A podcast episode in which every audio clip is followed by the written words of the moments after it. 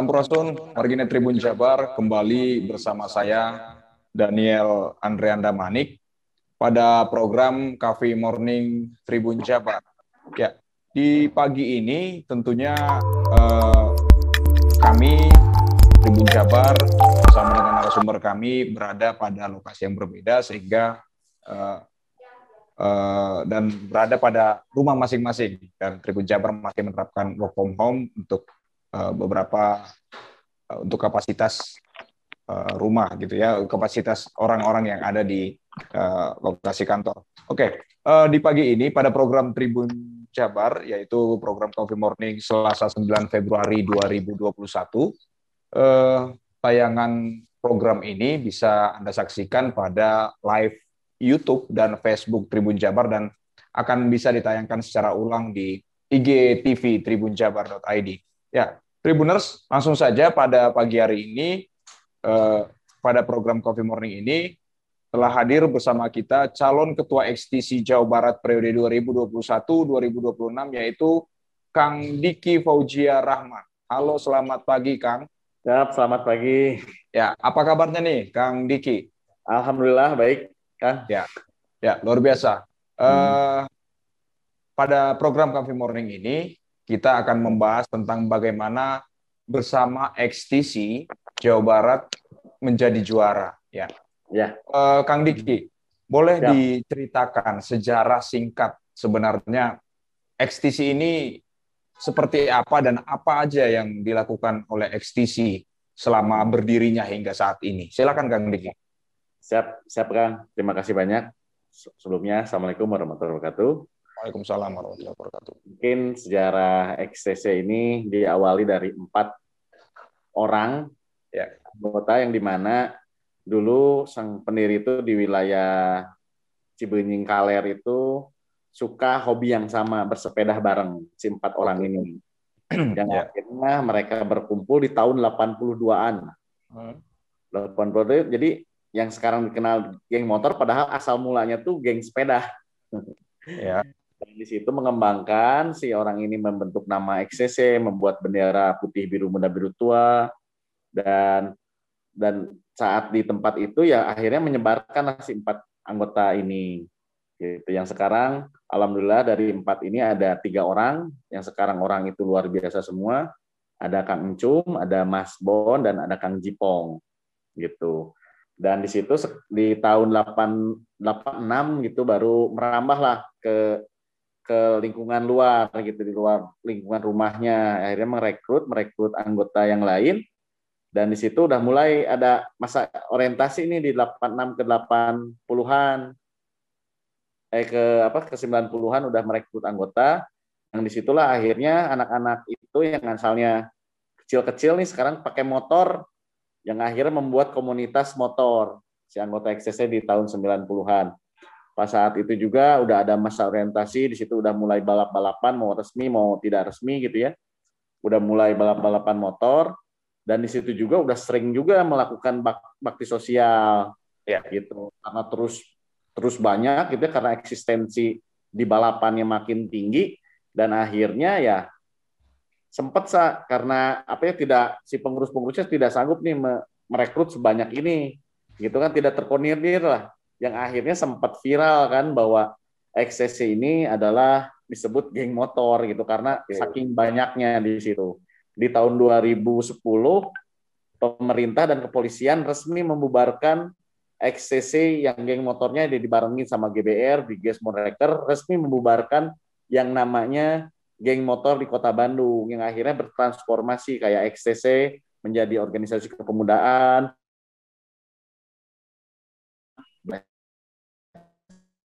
mereka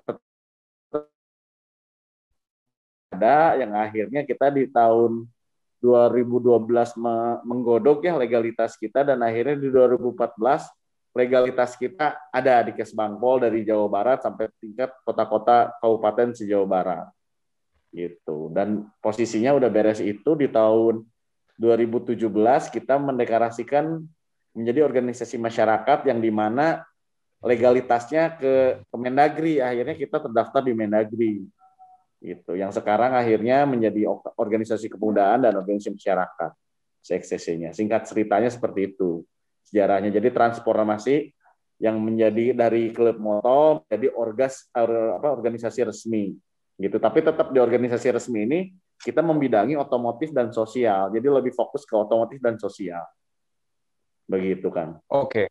Ya, luar biasa Tribuners bahwa uh, lika-liku dari uh, eh, XTC ya. Ini kita katakan ya. awalnya berupa berupa kelompok. Nah, Kang Diki, itu kan tadi Kang Diki ya. menjelaskan di awal tentang bagaimana persepsi orang-orang terkait dengan XTC karena saking banyaknya anggotanya di awal hingga saat ini juga masih sangat-sangat banyak.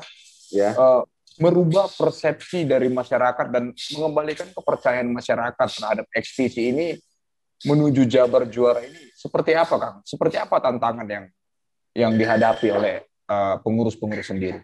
Ya, tantangannya buat kita ya sebagai pengurus nanti kalau kita udah menjabat di Jawa Barat ya kita akan lakukan yang seperti di Kota Bandung sebelum sebelum kita keluar membuat program kerja ya kita di internal dulu karena di internal ini kan kekurangan SDM-nya, kekurangan ilmu keorganisasian, ke, ke apa? ilmu ke dasar kepemimpinan, administrasi yang kayak gitu yang akhirnya kita akan melakukan masa orientasi. Kalau kalau bisa disebut sih kalau bahasa awamnya kita melakukan bela negara buat anggota-anggota yang akhirnya pemahaman-pemahaman itu ada gitu. Di di apa di benak mereka gitu. Yang akhirnya bertanggung jawab itu tidak terhadap organisasi saja tapi terhadap negara juga dan buat masyarakat banyak gitu. Karena ya pemuda-pemuda apalagi kita yang aktif itu di umur 17 sampai di 35 gitu kan orang masa-masa mencari jati diri mencari mencari apa gitu ya apa pengetahuan di luar sekolah atau di kampus gitu yang akhirnya kita sebagai organisasi mau menampung mereka dan akan mengarahkan mereka apa sih yang disebut XCC yang sekarang gitu. Gitu. Jadi akhirnya kita bertransformasi dengan sistem yang ada gitu yang akhirnya mengedukasi pemuda-pemuda buat apa buat generasi berikutnya CXTC ini. Jadi seperti itu. Ya, uh, ini menarik eh, anggotanya itu anggota aktif adalah orang-orang yang berusia 17 sampai 35 tahun. Ya, Jadi betul. anggota aktif ini. Tentunya ya. seperti Kang Dika katakan adalah usia-usia di mana orang eh, masih mencari jati diri ya. Ya, betul nah, Seperti apa Kang kesulitan-kesulitan yang eh, dihadapi dihadapi oleh pengurus-pengurus uh, dan apa pesan-pesan yang mungkin disampaikan kepada anggota-anggota anggota-anggota aktif ya agar tidak kita katakan tidak kebablasan seperti yeah. uh, seperti sebelum dijadikan ormas gitu ya. Sekarang kan sudah menjadi ormas secara resmi yeah. dan uh, terdaftar di Kesbangpol dan sebagainya dan saat ini seperti apa motivasi yang diberikan kepada anggota-anggota aktif agar tetap pada uh, jalurnya gitu. Yeah. Silakan. Ya mungkin kalau tadi berbicara kendala, emang kendala sih ada di angkatan saya ke atas ya karena emang angkatan saya ke atas itu ada beberapa berapa puluh angkatan hampir 20 angkatan gitu ya yang di mana masih belum bisa move gitu ya terhadap organisasi karena kita ini orang dulu kan yang ada sebelum sistem ada gitu kan. Jadi si sistem ini yang alhamdulillah sekarang sudah kita bentuk ada ART-nya, PO-nya gitu ya yang sudah kita bentuk dan harus dipahami gitu sama setiap anggota karena jadi biar bisa tahu nih aturan mainnya kita sebagai apa di XCC dan ya itu yang kita selalu arahkan gitu terhadap anggota baru buat anak-anak yang aktif sekarang. Nih pelajari dulu ada ART-nya, lihat PO-nya, kita cara mainnya seperti ini dan rekan-rekan juga harus bisa menghargai pimpinan tertinggi di wilayahnya. Kayak misalkan kalau di Jawa Barat DPD-nya, kalau di kota kabupaten ada DPC Dewan Pimpinan Cabang, kalau di tingkat kecamatan itu ada PAC pimpinan anak cabang gitu ya. Dan ya saya mungkin ke ke daerah-daerah juga mengarahkan ya harus mem mematuhi terhadap pimpinannya. Karena insya Allah karena pimpinan apa pemimpin-pemimpinnya selalu komunikasi baik sama kita yang di Bandung gitu ya, yang akhirnya bisa mengarahkan apa kegiatan-kegiatan positif dan rencana-rencana positif buat ke depannya gitu. Jadi emang saya ya pengen juga buat anak-anak lihat terus update terbaru dari media sosial kita karena kita ini sangat lancar alhamdulillah di media sosial kita sangat update gitu ya mau dari tingkat DPP, DPD, DPC gitu ya. Kita sangat update juga ya buat para anggota dan apa ya buat simpatisan gitu ya, terus update aja di media sosial XCC yang akhirnya tahu gitu kan program kerja arahan XCC gitu. Itu sih buat arahan pada ya. anggota dan simpatisan XCC. Oke, menarik bahwa uh, anggota XTC ini di ya. Jawa Barat dan di Kota Bandung ini cukup cukup sangat banyak ya, Kang. Ya betul. Sampai ke tingkat kelurahan dan sebagainya. Ya, betul. Nah, bagaimana tingkat kepatuhan dari teman-teman anggota ini kepada pengurus-pengurus yang ada di wilayahnya sendiri, Kang, saat ya. ini? Ya. Ya mungkin Ketaatan. kalau buat di kota, ya. Ya, silakan, Pak. Ya mungkin kalau buat sekarang Kota Bandung ya alhamdulillah ya kalau Kota Bandung sudah berjalan, saya sudah berjalan hampir 8 tahun Kang di Kota Bandung. Sangat kontak itu udah sangat cepat lah maksudnya udah sangat ini apa kalau misalkan udah sangat sensitif kalau kita misalkan ngabarin mereka udah responnya udah sangat baik gitu dan sekarang ilmu-ilmu saya yang pernah ada diterapkan di kota Bandung ya saya akan tularkan di Jawa Barat ini biar komunikasi kita baik biar arahan kita masuk ke daerah-daerah ya akhirnya ya kita buka komunikasi sangat baik ya dengan sekarang gitu pandemi gitu ya pandemi kan sekarang ada zoom meeting gitu kan nggak usah harus ke Bandung kalau rapat kita bisa di zoom meeting juga yang terus arahan-arahan itu harus bisa dikoordinasikan sampai ke tingkat bawah. Gitu. Artinya kelompok XTC ini eh, pusatnya adalah di Kota Bandung ya, Kang ya? Di Kota Bandung masih di Kota Bandung. Iya. Oke, ini menarik terkait dengan eh, posisi dari Kang Diki saat ini, ya. yaitu calon Ketua XTC Jawa Barat periode ya. 2021 hingga 2026. Ya. Apa nih Kang program-program yang akan di di apa namanya dilemparkan kepada anggota dan ataupun calon anggota yang masih berkeinginan memiliki kerinduan untuk bergabung dengan XTC Jawa Barat, apa yang menjadi program-program unggulan dari Kang Diki ya. sendiri? Ya, kalau Jadi program calon. unggulan saya sih yang tadi saya sempat sebutin, kita merubah mindset SDM kita, sumber daya manusianya, untuk mengarah ke yang lebih positif lagi. Kita meracik lagi para pemuda-pemuda ini biar lebih bergairah lagi, lebih terarah lagi yang akhirnya kalau misalkan di bidang pendidikan gitu kan, di bidang olahraga, di bidang akademisi apa akademisi gitu ya dan hobi-hobi lainnya yang akhirnya pengurus itu akan memfasilitasi tempat-tempat itu. Saya insya Allah akan membukakan beasiswa, tempat lapangan kerja, UKM UKM yang ada di XCC sampai dari tingkat Jabar ini semuanya terkoneksi gitu.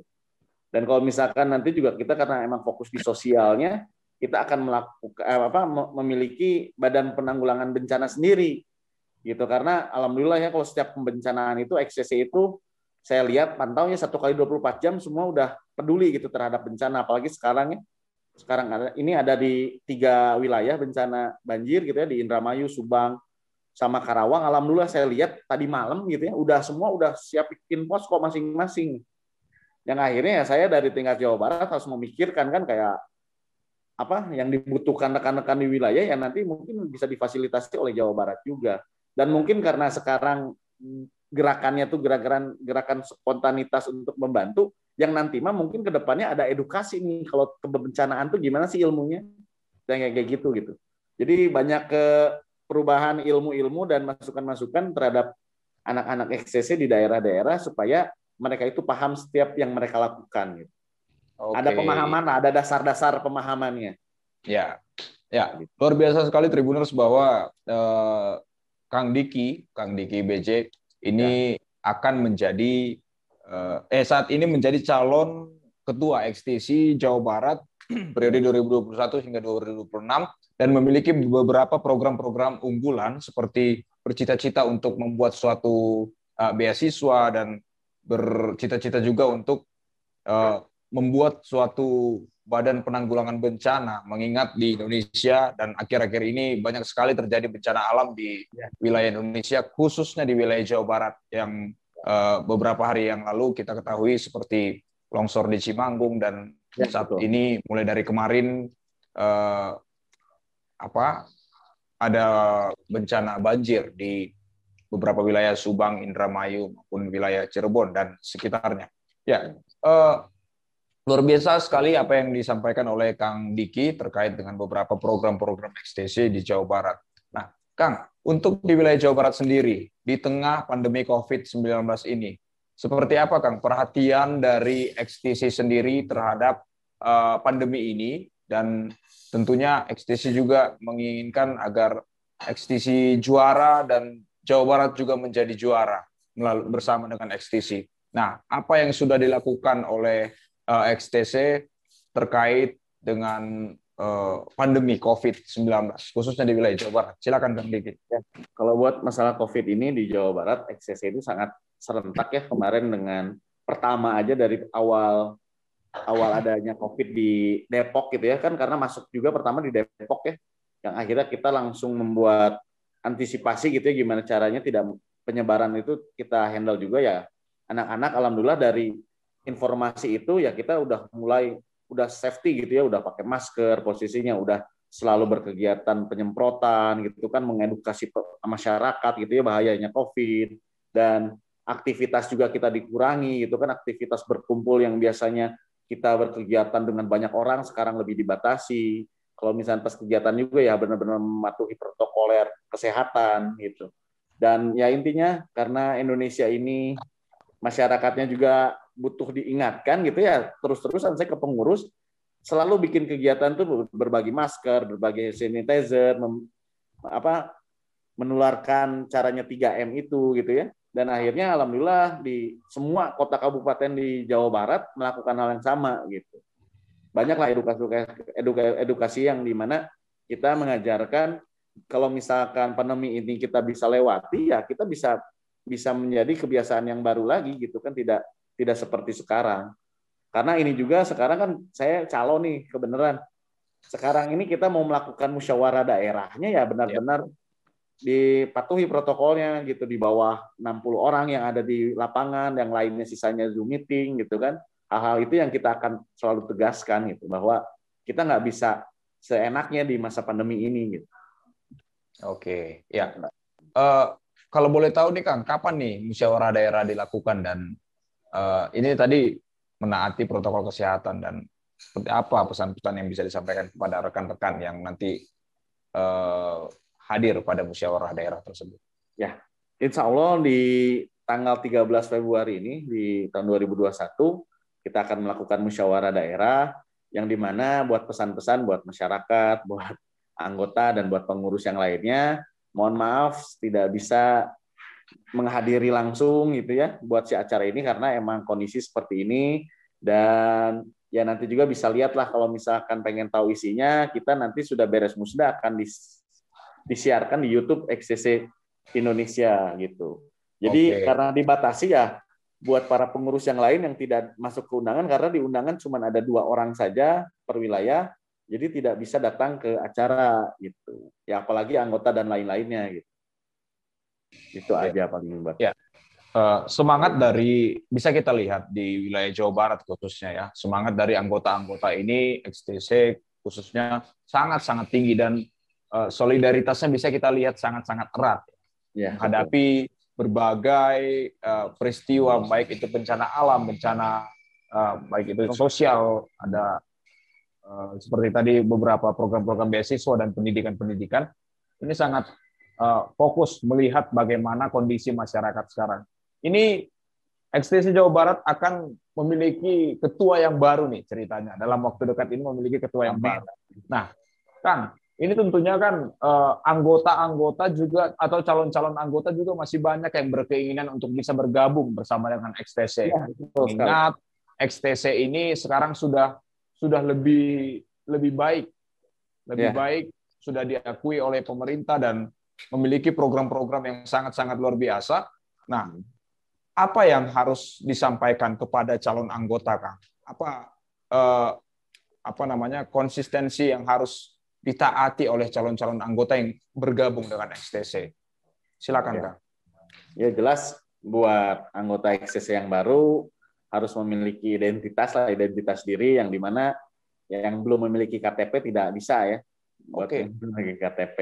Dan mungkin ya berkelakuan baik dan nanti juga buat anggota-anggota yang baru jelas buat anggota baru buat ke depannya ya buat ke depannya pas saya misalkan dipercaya oleh anggota untuk menjadi ketua ITC Jawa Barat, jelas diklat yang kalau misalkan disebut dulunya tuh ospekan akan ada lagi tapi dengan gaya baru.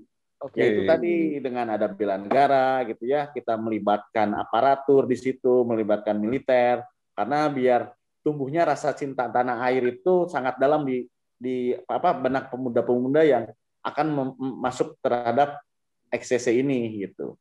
Jadi bukan saja mencintai organisasi tapi mencintai tanah air ini. Dengan apa caranya? Yaitu melibatkan narasumber gitu kan, melibatkan yang memiliki ilmu-ilmu. Dan mungkin nanti juga saya akan menjelaskan tentang sejarah kita gitu ya. Dulunya apa yang sekarang seperti apa yang rekan-rekan harus mengikuti gitu arahan ini tapi tidak akan luput gitu ya dengan sejarah kita sebagai otomotif. Di situ juga mungkin kita bisa akan menyediakan latihan safety riding gitu ya. Jadi sebelum kepolisian juga kita akan melakukan edukasi-edukasi itu. Jadi buat gimana caranya nih kendaraan tuh harus seperti ini. Yang misalkan kayak kayak dulu kan knalpot bising. Kalau sekarang tidak ada ya saya akan jelaskan itu. Itu tempatnya di mana sih? Harus kayak gimana sih? Gitu kan jadi apalagi ya. di daerah-daerah kan ngerasa kalau di daerah di komplek itu pakai helm tuh nggak biasa aja gitu. Padahal kan di situ juga nggak boleh. Nah itulah yang yang hal kecil tapi kita akan melakukan itu terhadap anggota XCC yang baru. Oke. biar bisa menjadi generasi penerus eh, pelurus bukan penerus gitu. Pelurus ya. Generasi pelurus, pelurus untuk generasi, pelurus. generasi muda. Ya XCC. betul. Ya. Uh, ini juga menarik kang. Dunia pendidikan yang tadi Kang Diki mengatakan bahwa akan concern pada uh, beasiswa ya, betul. Kan ya. uh, di Jawa Barat sendiri juga uh, beberapa masih masih ada yang teman teman-teman yang masih putus sekolah dan Banyak sebagainya sekali. terkendala dengan kondisi ekonomi dan sebagainya. Ya, betul. Uh, jika ada anggota XTC yang berkerinduan untuk uh, melanjutkan sekolahnya menuju sampai ke yang tinggi, paling tinggi, hmm. tingkat bermimpi tinggi. Seperti apa Kang upaya yang akan dilakukan XTC? Jelas Khususnya kita di saat nanti dipimpin oleh Kang Diki. Gimana Kang? Jadi awal kita mungkin audiensi terhadap Gubernur Jawa Barat, ya kita akan audiensi, akan mengarahkan program-program kita juga yang akhirnya kalau misalkan kita kan kita sebelumnya udah punya kerjasama nih sama beberapa universitas gitu ya. Alhamdulillah kita, saya di Kota Bandung sudah bisa menguli, apa, menguliahkan lebih dari 100 orang gitu kan dengan kerjasama kerjasama sama kampus-kampus gitu ya. Tapi kan berbicara Jawa Barat tuh sangat besar gitu ya. Akhirnya saya sendiri akan pasti akan meminta bantuan Gubernur Jawa Barat gitu, Kang Emil gitu, ya. untuk melakukan program-program ini. Tapi kalau misalkan ya itulah kalau kita nggak bisa mandiri juga akhirnya karena saya udah pernah melakukan hal itu di Kota Bandung gitu. Jadi kita bisa kerjasama tapi minta backup juga sama Pak Gubernur nih karena bukan hal yang sedikit juga yang nanti kita akan edukasi. Jadi bukan untuk XCC aja, mungkin program saya juga kalau di ACC Pak Gubernur ya umum juga akhirnya bisa. Tapi yang Oke. kita bukain aksesnya dari XCC gitu.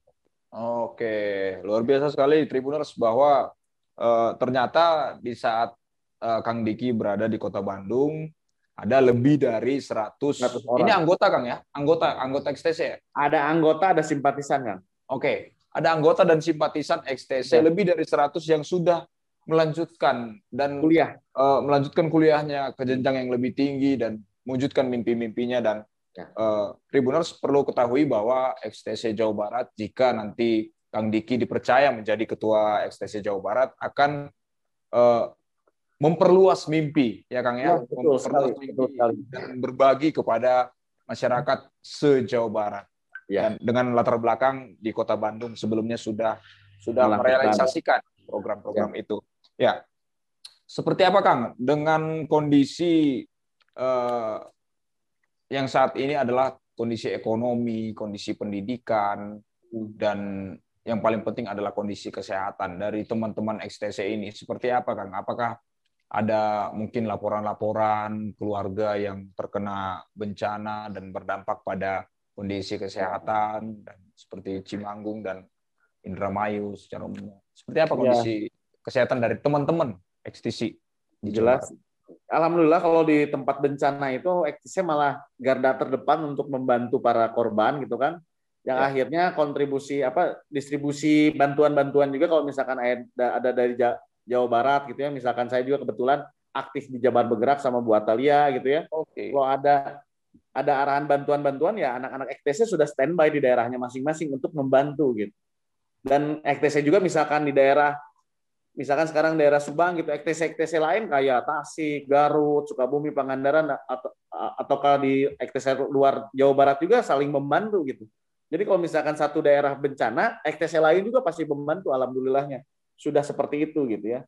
Tapi kalau dengan Covid ini saya mutar udah mutar nih keliling 27 kota kabupaten ini ya banyaknya gara-gara Covid ini putusnya kontrak kerja, PHK-nya rekan-rekan yang akhirnya banyak banyak kerjaan baru ya itu ya saya arahin masih ke hobi hobi sih kayak misalkan menjadi ternak ikan gitu ya ternak burung apa bikin apa jualan online yang akhirnya. Nah, itu yang sekarang sudah saya petakan yang akhirnya nanti bisa jadi program kerja awal juga. Karena dampak ekonomi ini sangat luar biasa di masa pandemi ini gitu. Di pandemi ini yang harus saya sebagai pemimpin gitu ya dan calon pemimpin berikutnya harus bisa menggagas terobosan baru dan cepat gitu. Tapi tidak segampang apa maksudnya tidak asal-asalan gitu yang saya saya terus godok nih masalah UKM UKM baru yang akan dilanjutkan oleh anggota XCC yang ada di Jawa Barat. Gitu. Oke. Karena ya itulah menggagas orang-orang yang di PHK, yang dipecat, yang putus kontrak gitu ya. Ya semua lah. Gitu. Ya, artinya untuk periode 2021 hingga 2026 nanti Kang Diki sendiri sudah memiliki beban PR ya Kang ya? Ya sangat sangat karena pandemi ini ya. pandemi ini wah PR-nya jadi luar biasa gitu kan yang asalnya saya konsen sama pendidikan sama ilmu-ilmu organisasi sekarang jadi udah beres ada dasar itu ya saya langsung lari ke gimana caranya UKM UKM bisnis bisnis anak-anak XDC itu bisa berkembang jauh lebih pesat lagi. Gitu. Oke, Kang kalau boleh tahu eh, khususnya untuk Kang Diki secara pribadi, ya eh, pandemi ini sudah sudah berulang tahun kali, udah satu tahun ada di negara kita ini. Ya. Nah, berapa lama sih Kang Diki dan teman-teman ini untuk beradaptasi terkait uh, melihat semua permasalahan-permasalahan seperti tadi adanya anggota yang di PHK dari tempat pekerjaannya. Berapa lama nih uh, proses pemetaan yang dilakukan hingga saat ini sudah tinggal tinggal eksekusi lah ibaratnya tinggal eksekusi. Ya, betul. Proses kagetnya ini berapa lama di di bulan keberapa kang sebenarnya proses kaget menghadapi pandemi ini? Ya kalau pas kagetnya sih pas mulai pas di bulan Ramadan kemarin ya tahun kemarin ya yang di mana di situ malah jadi alasan akhirnya alasan harusnya rekan-rekan di daerah itu mendapatkan THR ya. di situ malah pada dipecatin gitu kan sama perusahaan-perusahaan gitu kan yang akhirnya ya itu membuat rekan-rekan drop lah ya, drop yang di mana ya saya sebagai pengurus terus ngasih motivasi kan, semangat untuk terus menjalani hidup, apa aja yang bisa dikerjakan kita kerjakan gitu kan. Jadi akhirnya ya saya memotivasi terus sampai saat ini. Dan sekarang alhamdulillah sudah banyak solusi-solusi dari pemerintah, dari swasta gitu yang akhirnya bisa menjadi program kerja saya di awal. Di 100 hari kerja saya saya bisa melakukan terobosan-terobosan baru untuk mengedukasi rekan-rekan yang akhirnya bisa punya pendapatan gitu sudah. Maksudnya sebelum pandemi ini kan emang nggak pernah tahu ya kapannya karena emang vaksin juga kan baru masuk gitu kan. Ya tapi tetap saya mulai start dari sekarang gitu yang akhirnya rekan-rekan harus lebih semangat lagi gitu. Oke, ya.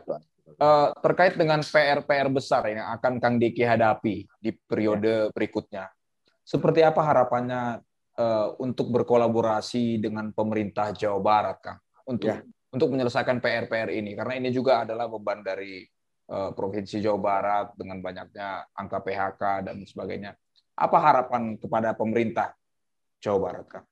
Ya harapan saya kepada pemerintah ya terus fokus ya terhadap masalah pandemi ini jangan sampai ada apa ada program-program yang apa program-program pemerintah yang mubazir gitu ya kita lebih fokus konsen ke ekonomi ke pendidikan karena kan berbicara pendidikan di online ini kan kita tuh belum sangat siap ya. Karena di daerah itu ya jelas lah sinyal tuh nggak ada gitu kan kadang macet.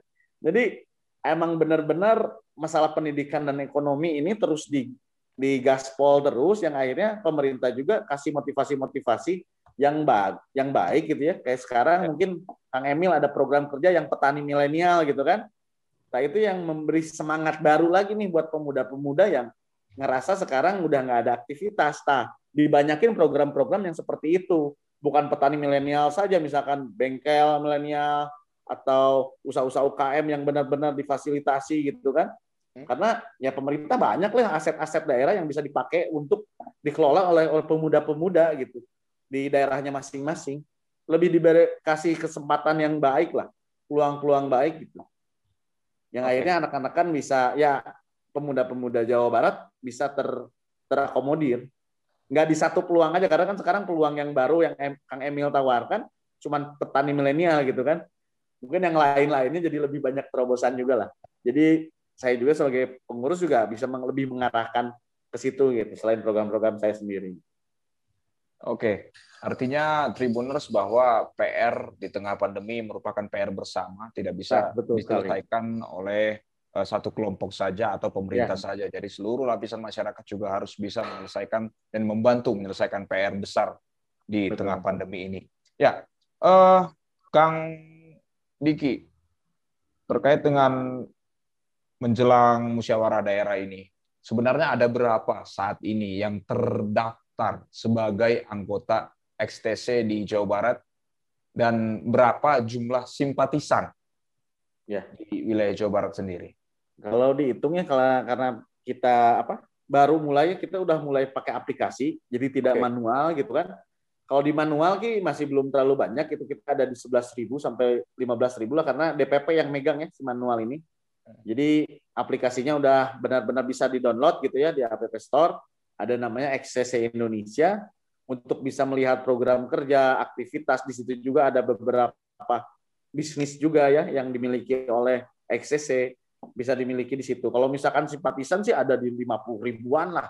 Karena kita masih banyak juga nih simpatisan simpatisan apa simpatisan yang belum terdaftar. Karena kita masa orientasi kita terstop tuh di, di 2009. Okay. Bayangin dari 2009 sampai di 2021 ini belum ada masa orientasi yang benar-benar dikelola oleh organisasi gitu. Jadi kita lebihnya ya total-total masih ada di 70 ribu sampai 80 ribuan anggota Oke. di Jawa Barat. Meskipun sifatnya masih simpatisan, tapi eh, apa namanya solidaritasnya dan eh, loyalitas kepada XTC ini cukup tinggi ya Kang ya? Ya, sangat tinggi. Posisinya oh. yang baru petek aja nih banyak yang pelajar-pelajar juga ya, yang masih belum padahal dia belum bisa waktunya tapi udah kegiatannya udah baik-baik lah. Oke. Artinya sekarang sudah banyak pelajar yang menjadi simpatisan dan uh, sudah mengikuti semacam bakti sosial seperti ya, itu kan? kegiatan-kegiatan sangat sangat mengikuti. Hmm, oke oke oke oke. Ya, ini Kang, uh, tidak terasa perbicaraan kita memang sudah lebih dari 30 menit ini kan eh, banyak simpatisan yang masih bersekolah dan yang tadi Betul. Kang Diki katakan adalah mencari jati diri gitu ya. Betul. Dengan bangga menjadi simpatisan maupun menjadi anggota XTC. Melihat XTC sekarang sudah sangat banyak kegiatan-kegiatan positif yang dilakukan. Nah, apa nih Kang pesan-pesan yang bisa akan sampaikan kepada simpatisan XTC maupun kepada calon-calon anggota XTC agar tetap solid dan uh, menjaga kondusivitas secara bersama-sama, khususnya di tengah ya. pandemi, menjaga kesehatan. Apa nih pesan-pesan, pesan-pesan motivasi atau penyemangat kepada teman-teman XTC, ya. khususnya di wilayah Jawa Barat? Ya, mungkin buat pesan-pesan buat seluruh XTC di wilayah Jawa Barat gitu ya, menjadi harus menjadi anggota-anggota yang bisa mencerminkan organisasi kita. Lihatkan kalau misalkan pakai atribut XCC itu lihatkan bahwa kita itu layak untuk masyarakat. Kita siap bantu buat masyarakat yang di mana rekan-rekan juga akhirnya bisa mengerti apa arti berorganisasi ini gitu kan. Dan mungkin buat apa anggota-anggota ini di masa pandemi tetap jaga protokol harus saling mengingatkan apalagi kita organisasi masyarakat juga harus sangat mengingatkan terhadap anggotanya harus saling menegur juga kalau misalkan berkerumunan jangan di kerumunan gitu kan. Kalau misalkan tidak pakai masker kita ingatkan pakai masker dan terus jaga nama baik XCC Indonesia. Itu aja paling oke okay, luar biasa. Ini uh, di tengah pandemi juga pemerintah saat ini sedang melakukan proses vaksinasi kepada ya, betul. Uh, masyarakat Indonesia ya kan kan masih banyak masyarakat yang ada takut lah, ada ya. yang keberatan dan sebagainya. Boleh dong Kang uh, pesan kepada masyarakat uh, di Jawa Barat ini agar tetap mengikuti apa pun arahan dari pemerintah dan betul. Boleh berikan pesan juga penyemangat kepada tenaga medis Kang yang ya. berjuang ya. menghadapi pandemi. Silakan Kang. Buat masalah vaksin, jelas kita sebagai warga negara yang baik harus mengikuti arahan dari pemerintah. Mungkin pemerintah kita juga nggak sama sama sekali nggak akan pernah misalkan memikirkan mencelakakan atau menjelekan gitu ya warga negaranya sendiri. Jadi kita sebagai masyarakat yang baik harus mengikuti apa himbauan-himbauan termasuk vaksinasi ya kita juga harus siap gitu divaksin karena berbicara kita divaksin itu bukan diri kita aja gitu ya kan terlindungi. Tapi orang lain di dekat kita keluarga saudara kerabat teman gitu. Dan lain-lain juga terjaga. Yang akhirnya karena berbicara vaksin ini yang untungnya bukan kita aja atau orang lain aja tapi semua elemen yang ada di negara ini. Dan sekarang buat tenaga medis terus semangat terus ya sekarang sebagai apa pejuang pahlawan di negara kita ini sekarang tenaga medis tetap semangat. Kita akan mendoakan dari dari elemen-elemen masyarakat, dari elemen-elemen organisasi dan pemerintah akan terus support buat para medis Indonesia. Oke, luar biasa. Warginet Tribun Jabar untuk pesan-pesan yang disampaikan oleh Kang Diki Ojia Rahman selaku uh, pengurus dari XTC Jawa Barat dan ini Kang Diki ini adalah calon ketua XTC Jawa Barat periode 2021-2026 yang iya. akan Eh, melaksanakan musyawarah daerah pada 13 Februari nanti untuk penetapan siapa yang akan memimpin ekstensi Jawa Barat untuk ya. lebih baik lagi ke depannya. Oke, demikian terima kasih banyak atas ya, waktu sama-sama. dari Kang Diki ya. dan pesan-pesan yang sangat luar biasa yang disampaikan ke Kang Diki kepada anggota XTC, simpatisan maupun masyarakat Indonesia secara khususnya di wilayah Jawa Barat. Tribuners, Demikian perbincangan kita pada program Cafe Morning Tribun Jabar bersama XTC Jawa Barat Juara dengan narasumber Kang Diki selaku calon ketua XTC Jawa Barat 2021-2026. Tetap jaga kesehatan dan disiplin menerapkan protokol kesehatan, menggunakan masker, tetap menjaga jarak dan selalu mencuci tangan. Tetap jangan lupa tetap berdoa kepada Tuhan. Uh, Demikian tayangan uh, Cafe Morning ini bisa uh, disaksikan uh, secara ulang di akun YouTube maupun Facebook dan Instagram kita di Tribun Jabar. Dan jangan lupa untuk akun YouTube kita, jangan lupa untuk subscribe, komen, dan uh, di like di akun YouTube kita. Demikian saya Daniel Damanik. Sampai jumpa pada program berikutnya. Selamat pagi.